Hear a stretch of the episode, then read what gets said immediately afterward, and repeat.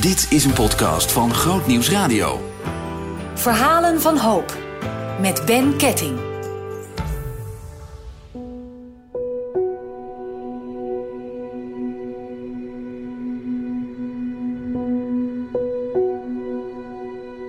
We kennen het allemaal wel, een glaasje wijn voor het slapen gaan.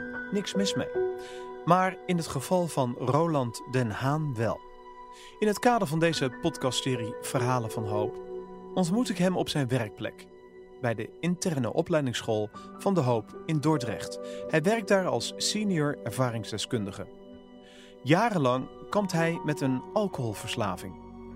Tijdens de opname gelden nog coronaregels, dus afstand houden, wat voor audio-opnames niet altijd even handig is, is een must. Ik word hartelijk ontvangen in het kantoortje van Roland en hij staat open te delen over zijn leven. Hij praat beheerst en overwogen, soms zoekend naar woorden om zijn gedachten vorm te geven. Zoals ik vaker doe, vraag ik hem eerst naar zijn jonge jaren. Want soms hebben jeugdjaren invloed op iemands levenslot. Ik ben Roland, 59 jaar. Ik, ik, ik zat te denken van, uh, ja, uh, hoe kan ik nou het gezin het beste uh, omschrijven waar ik uit kom? Toen moest ik denken aan die serie Keeping Up Appearance. Kan je vertalen met niet te vuile was buiten hangen. De schone schijn ophouden. De schone schijn ophouden, inderdaad. Dus uh, dat, dat was belangrijk. Prestaties waren belangrijk uh, in het gezin. Of dat nou schoolprestaties waren of sportprestaties. Je moest altijd 100%, dat was de norm, en het liefst 110%. Ik kan mij niet herinneren dat mijn ouders mij knuffelden. Ik heb in mijn jeugdalbum wel een foto gezien dat ik op de schoot zat van mijn moeder, waar visite bij was. En dat vind ik heel apart. Um, toen dacht ik van, heb ik dat weggedrukt? Maar ik kan het me gewoon niet herinneren. Eigenlijk waren mijn ouders afstandelijk, uh, formeel. Weinig plek voor emoties. Mijn zus is een jaar en drie maanden ouder. Die was veel extroverter dan, uh, dan ik, liet ook emoties uh, zien. Maar dat werd eigenlijk altijd afgedaan uh, met van doe maar gewoon, dan doe je gek genoeg.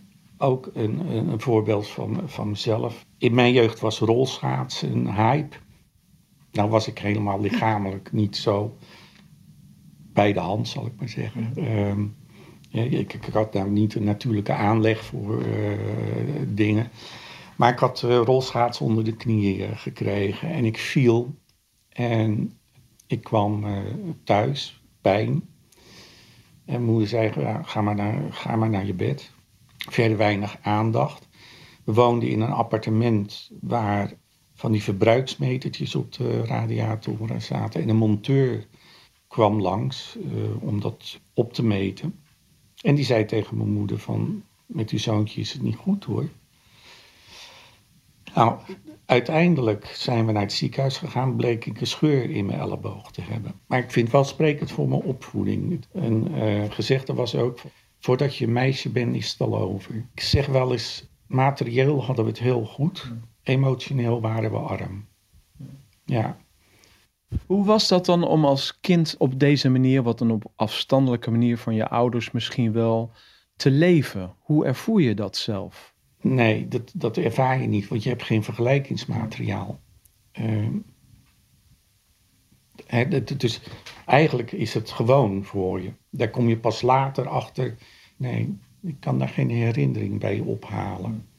Uh, misschien heb ik dat ook weggedrukt hoor. Ja, dat, dat is heel goed mogelijk. Maar goed, in het kader van die, prestaties en, en dergelijke. Um, daar kon je ook de aandacht mee krijgen van de ouders. Dus wat, wat doe je dan? Je, je, gaat gewoon goed leren en, en, en schoolprestaties uh, leveren. Dat heeft ertoe geleid dat ik gewoon een modelleerling was. Uh, uh, alles netjes op tijd, geen doublures qua klasse.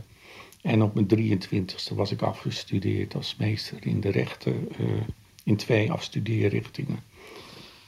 En daarna uh, ook een maatschappelijke carrière begonnen um, in uh, wat tegenwoordig Human Resource Management heet. Daar ook doorgegroeid uh, naar leidinggevende toe. alcohol dronk ik eigenlijk niet tot, nou laat ik zeggen, mijn twintigste of zo. En dan eigenlijk alleen als ik uit eten ging of zo. Verder niet. De wijn vond ik dan prettig om te drinken. Bier vond ik niet lekker. Roken heb ik nooit gedaan. Ik mocht één keer een sigaret proberen. Ik denk dat ik twaalf was of zo van mijn vader. Die zei er niet bij van je moet niet diep inhaleren. Dus dat deed ik wel. En ik lag uh, een middag misselijk op bed. Ik denk, nou, als dat het plezier is voor roken, dan doe ik het niet. Dus in die zin was dat wel een goede remedie. En, en een goede benadering van mijn vader. Dus alcohol speelde ook helemaal niet. Op mijn 32e werd ik hoofdpersoneelszaak, heette dat toen, lid van het managementteam. En als ik daar nu naar kijk, denk ik van dat is te vroeg gekomen. Weet je, qua kennis en, en, kunde kon ik het aan. Uh, maar het is, is ook een baan die je emotioneel moet aankunnen. En ik werd aangenomen bij dat bedrijf toen ze in de laatste fase van een hele grote reorganisatie zaten. Waarbij ik iemand opvolgde die langdurig ziek was uh, door darmkanker. En uiteindelijk moest ik die ook ontslaan. En ook andere mensen die uh, gewoon tientallen jaren in dat bedrijf uh, hadden gewerkt. Dat leverde veel spanning op. Een glaasje gaan drinken voor het slapen gaan. Het bekende slaapmutsje. En dat leverde ontspanning op. En eigenlijk is dat uitgegroeid naar die verslavingsgevoeligheid. En nou, dat, dat ging spelen echt, dat het een probleem werd rond mijn 35ste. En vanaf die tijd ben ik ja, in behandeling geweest. Tijden niet en dan weer wel. En daaruit bleek, ook, ook door onderzoeken, persoonlijkheidsonderzoeken, dat ik ook een aanleg voor depressiviteit heb. Het begon met, met dat uh, slaapmutsje. Maar uiteindelijk uh, dronk ik gewoon een, een, fles wijn of zo uh, per etmaal in, in die periode.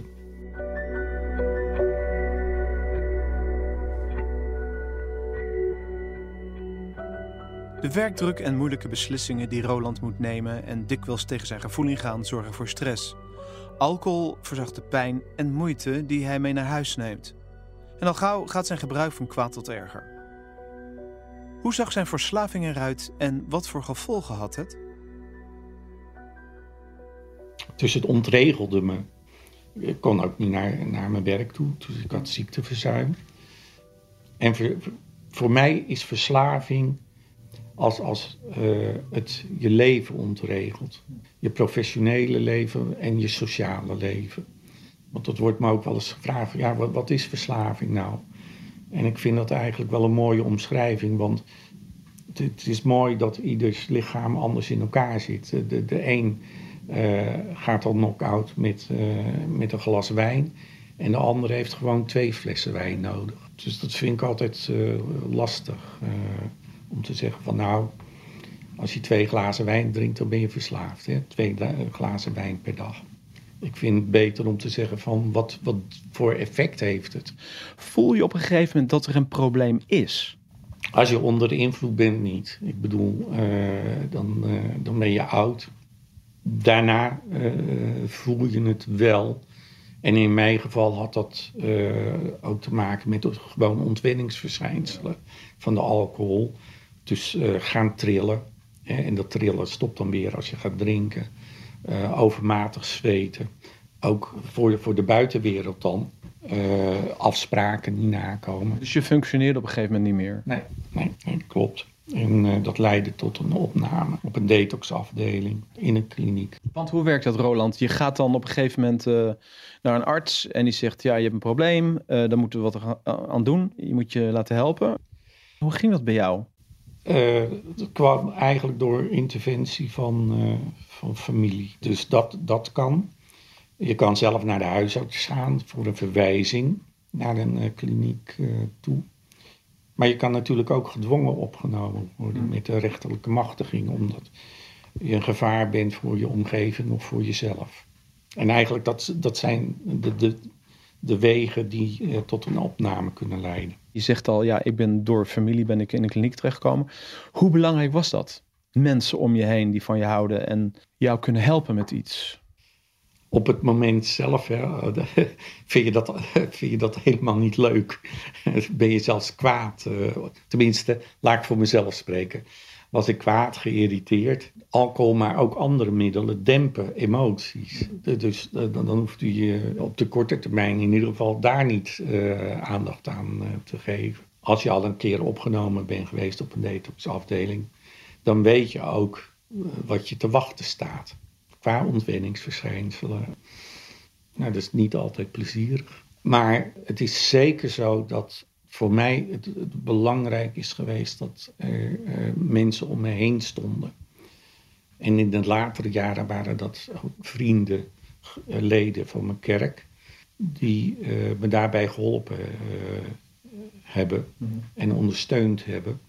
Kom ik weer even terug ja. naar, naar mijn jeugd ja. en, en mijn opvoeding. Mm -hmm. Werden ook heel erg opgevoed van zelf oplossen. Ik denk dat dat meegeholpen heeft dat ik zorgmijdend ben en uh, niet snel om hulp zal vragen. Dat heb ik in de latere jaren vooral moeten leren. Het zal ook wel een stukje karakter zijn. Maar opvoeding kan daar ook uh, een bijdrage aan leveren. Ja.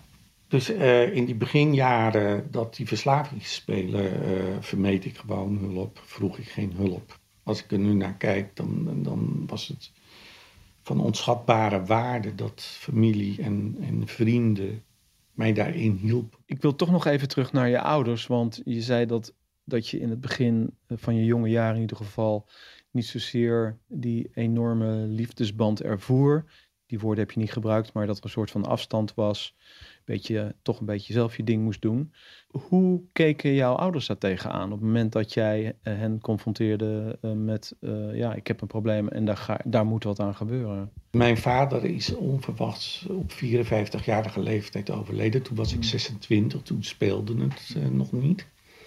Mijn moeder had het er moeilijk mee, want ik was, was maatschappelijk succesvol. Dat straalt op een bepaalde manier ook op, op jouw ouders af. Dus die vond dat heel lastig. Die heeft uiteindelijk met mij, maar, maar, maar ook met de andere twee kinderen het contact verbroken. Nou, voor een deel kon ik het begrijpen dat ze het bij mij deed. Maar bij, bij mijn broertje en, en mijn zus begreep ik dat niet zo goed.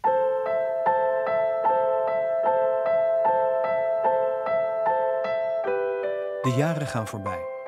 Roland heeft verschillende banen op leidinggevend niveau. Maar in momenten van spanning en werkdruk grijpt hij toch naar de fles. Uiteindelijk laat Roland zich opnemen in een kliniek in een poging om van zijn alcoholverslaving af te komen.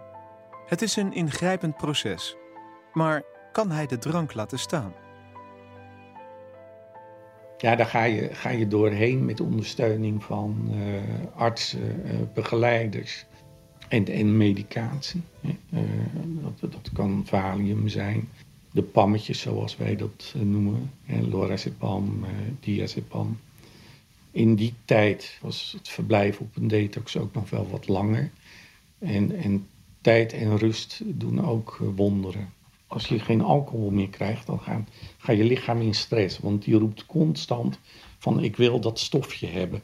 Ja, nou, daar helpt dan die medicatie mee in het begin. De detoxafdelingen hebben wel uh, een, een, dagprogramma, laat ik zeggen, uh, laagdrempelige behandelingsmethode. Als je echt dieper wil gaan, dan ga je naar een vervolgafdeling toe. Echt jaren kon ik niet drinken, hè, dat heet dan abstinent zijn. En dan ineens uh, was er de druppel die de, deed overlopen in, in het geval van stress of spanningen.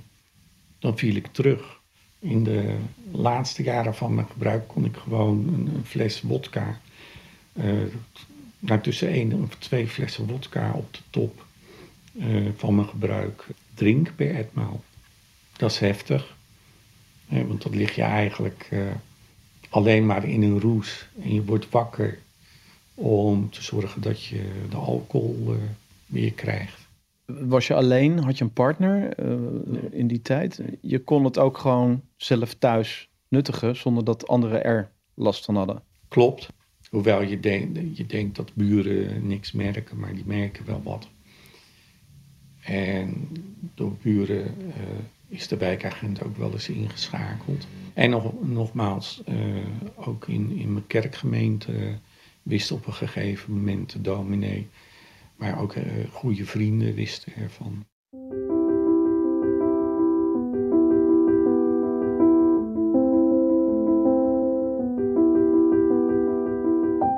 Roland gaat tot zijn zesde jaar met zijn ouders naar de Nederlandse Vormde Kerk en ontvangt daar ook de kinderdoop. Maar op zijn zesde jaar stopt de kerkgang abrupt. Er is geen gesprek over.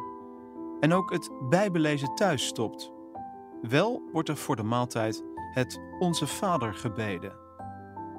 Maar ik zeg altijd van ja, als dat niet ingebed is in een context, dan is dat gewoon een rijmpje wat je opzegt.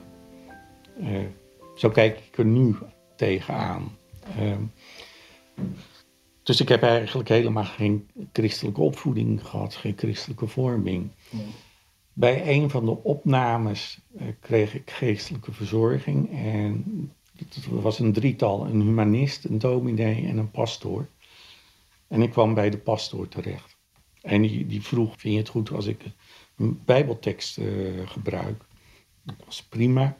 En die heeft mij op de Alpha-cursus gewezen. En die heb ik in 2011 gedaan. En daarna nog een keer. Mijn overburen waren lid eh, van de kerk, waar ik nog steeds lid van ben.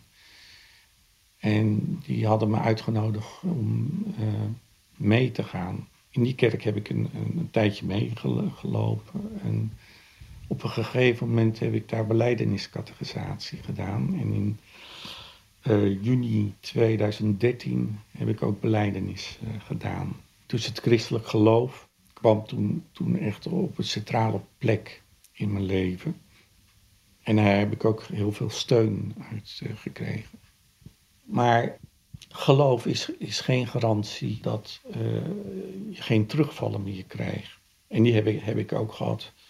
Heeft ermee te maken uh, dat in 2015 overleed mijn moeder en dat, dat vind ik heel bijzonder, want zij, zij dronk eigenlijk geen alcohol. Aan een niet begrepen levenscirrose. En een levenscirrose is een van de dingen die je kunt krijgen uh, bij langdurig gebruik van alcohol. Dus dat, dat vond ik heel bijzonder.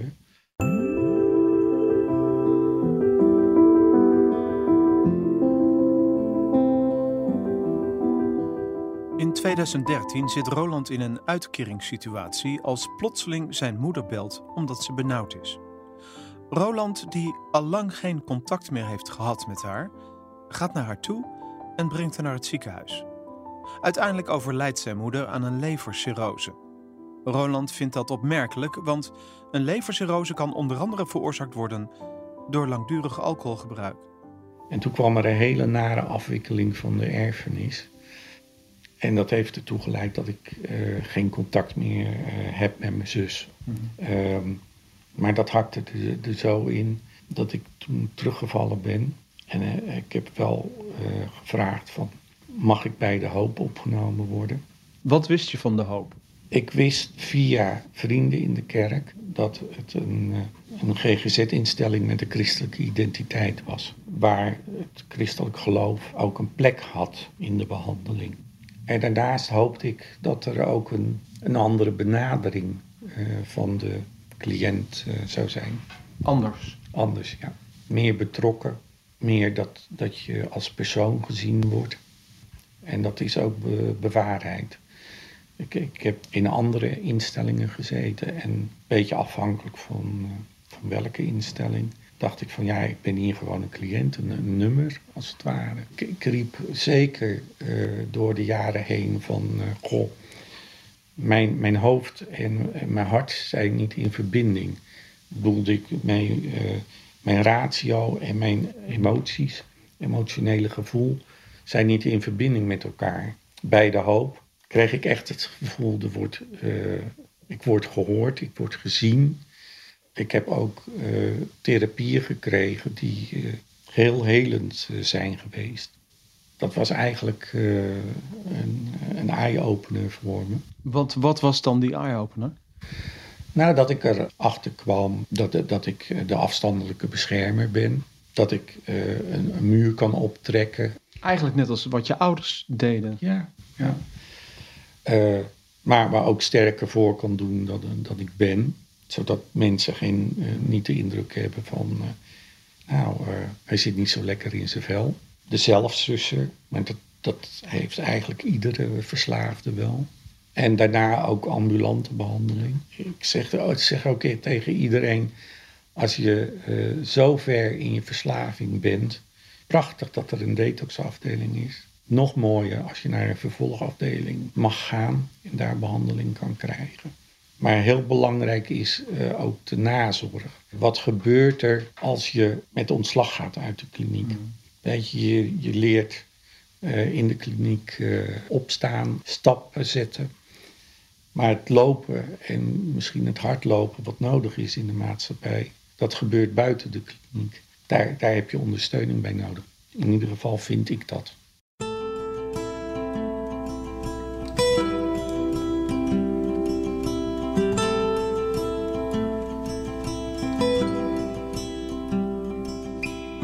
Bij de hoop is er een soort gezegde, een regel als je wil. Afkikken moet, geloven mag. Geloof is in de periode van Rolands opname bij de hoop essentieel. Maar wat heeft hij binnen het geloof in God ontdekt dat hem heeft geholpen bij het erkennen en overwinnen van zijn alcoholverslaving? Ik heb zelf geen wonderbaarlijke genezingen ervaren. Er zijn natuurlijk mensen die dat uh, hebben. Zo heb ik uh, ook geen ervaring dat uh, God of zijn Heilige Geest tot mij spreekt. In de zin dat ik stem hoor of woorden hoor. Het kan ook via, via de medemensen, dat, dat, er dingen gebeuren. Of, um, nou, net zoals ik zei, die, die hernia.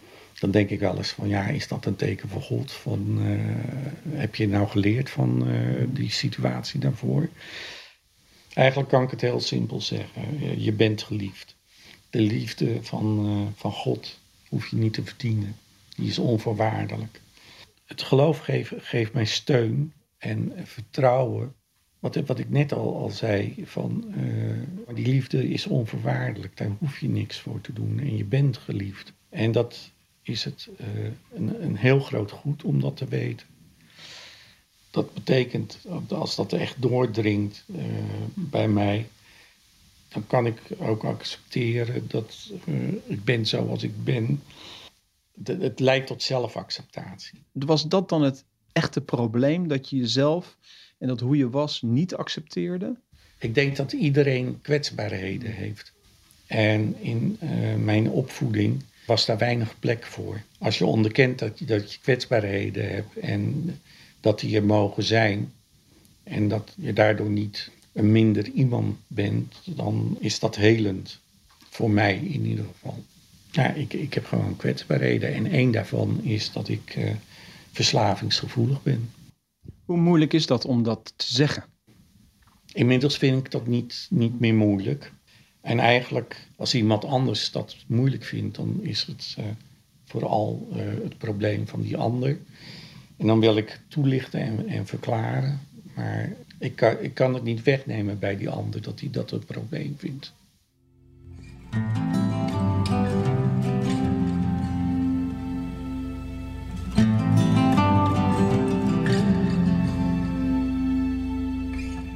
Roland ontgiftigt en dan gaat het een tijd goed.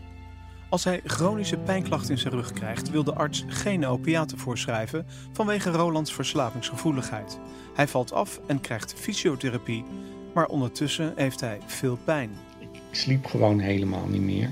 En dan krijg je toch dat Pavlov-effect. Dat bekende hondje dat weet dat hij een beloning krijgt als hij een bepaald gedrag laat zien. En ik heb alcohol wel eens mijn beste vriend genoemd. Het effect is betrouwbaar, het gedrag is betrouwbaar.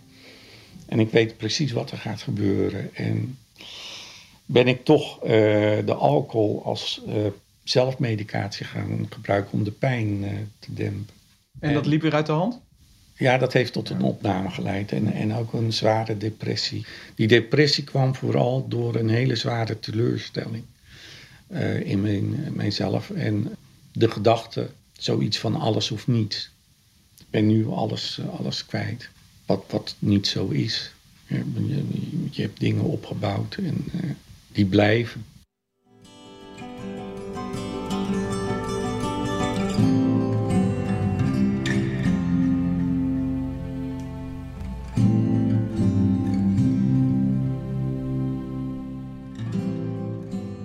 Roland gaat opnieuw in behandeling en rond in 2018 de interne opleidingsschool tot ervaringsdeskundige af.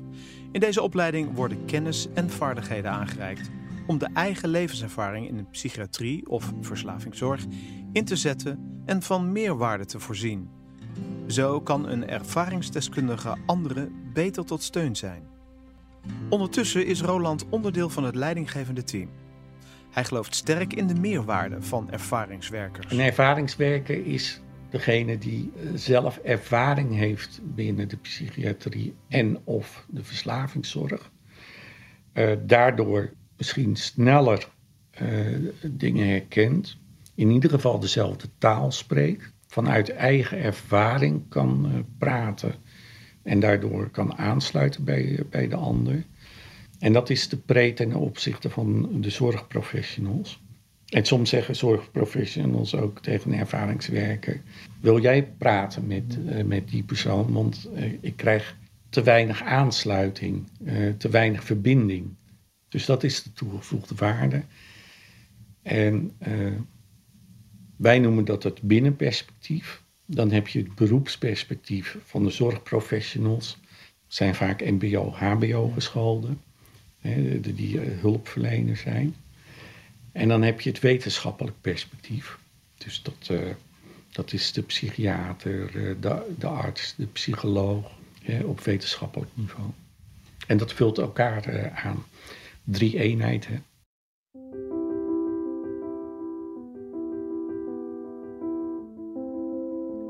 Tijdens mijn gesprek met Roland begrijp ik dat hij een aantal keer is teruggevallen ondanks professionele hulp. Het doet me realiseren dat verslaving enorm ingrijpend kan zijn en dat de weg tot herstel een weg is met vallen en opstaan. Maar wat ik van hem leer is wat Roland zelf heeft ervaren. En dat is dat er perspectief is als je er zelf niet meer uitkomt. Er is zeker hoop, maar ik zou zeggen zoek hulp. Als je uh, in dat proces zit van worstelen, opstaan, terugvallen, opstaan, terugvallen, dan is de realiteit gewoon dat je er zelf niet uit gaat komen. Dus, dus zoek hulp. En wees niet eigenwijs door te denken dat je het zelf kan. En God werkt door mensen heen. Zoek, zoek hulp die bij je past. En als dat een zorginstelling is met een christelijke identiteit, is dat prachtig. Maar soms uh, past dat niet bij je. Dan, uh, dan kan je het uh, elders krijgen. Stel je voor dat er mensen zijn die luisteren en zeggen: Ik heb een probleem en daar wil ik wat aan doen. Is daar een telefoonnummer voor? Is daar, wat moet je doen? Moet je bellen? Moet je een afspraak maken met iemand? En, en, en is die drempel dan niet heel erg hoog? Nou, je, je hebt een verwijzing nodig. Het eerste contact is met, met je huisarts. In dat gesprek met de huisarts geef ook aan dat je graag naar een verslavingszorginstelling wil met een christelijke identiteit. De, de, hoop is, is er één, Elios heb je ook nog. Dat is de eerste stap. Soms redden mensen het hè, uh, om mezelf uit te komen door naar die zelfhulpgroepen te gaan. Uh, dus de die is het meest verspreid. Maar zoek hulp.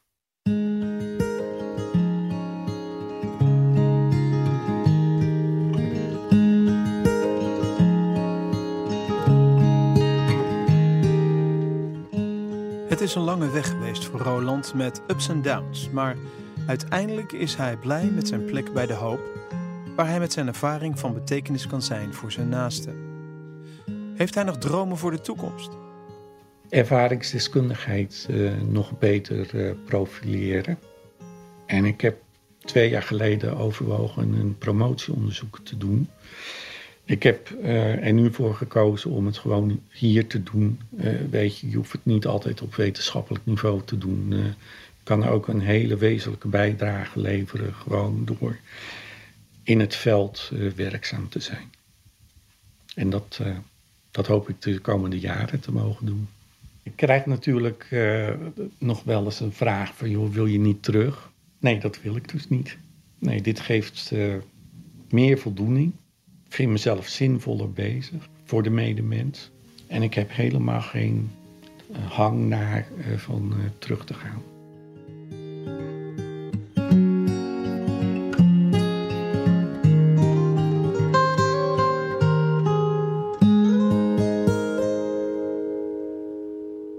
Zien in nog een podcast? Ga naar grootnieuwsradio.nl slash podcast.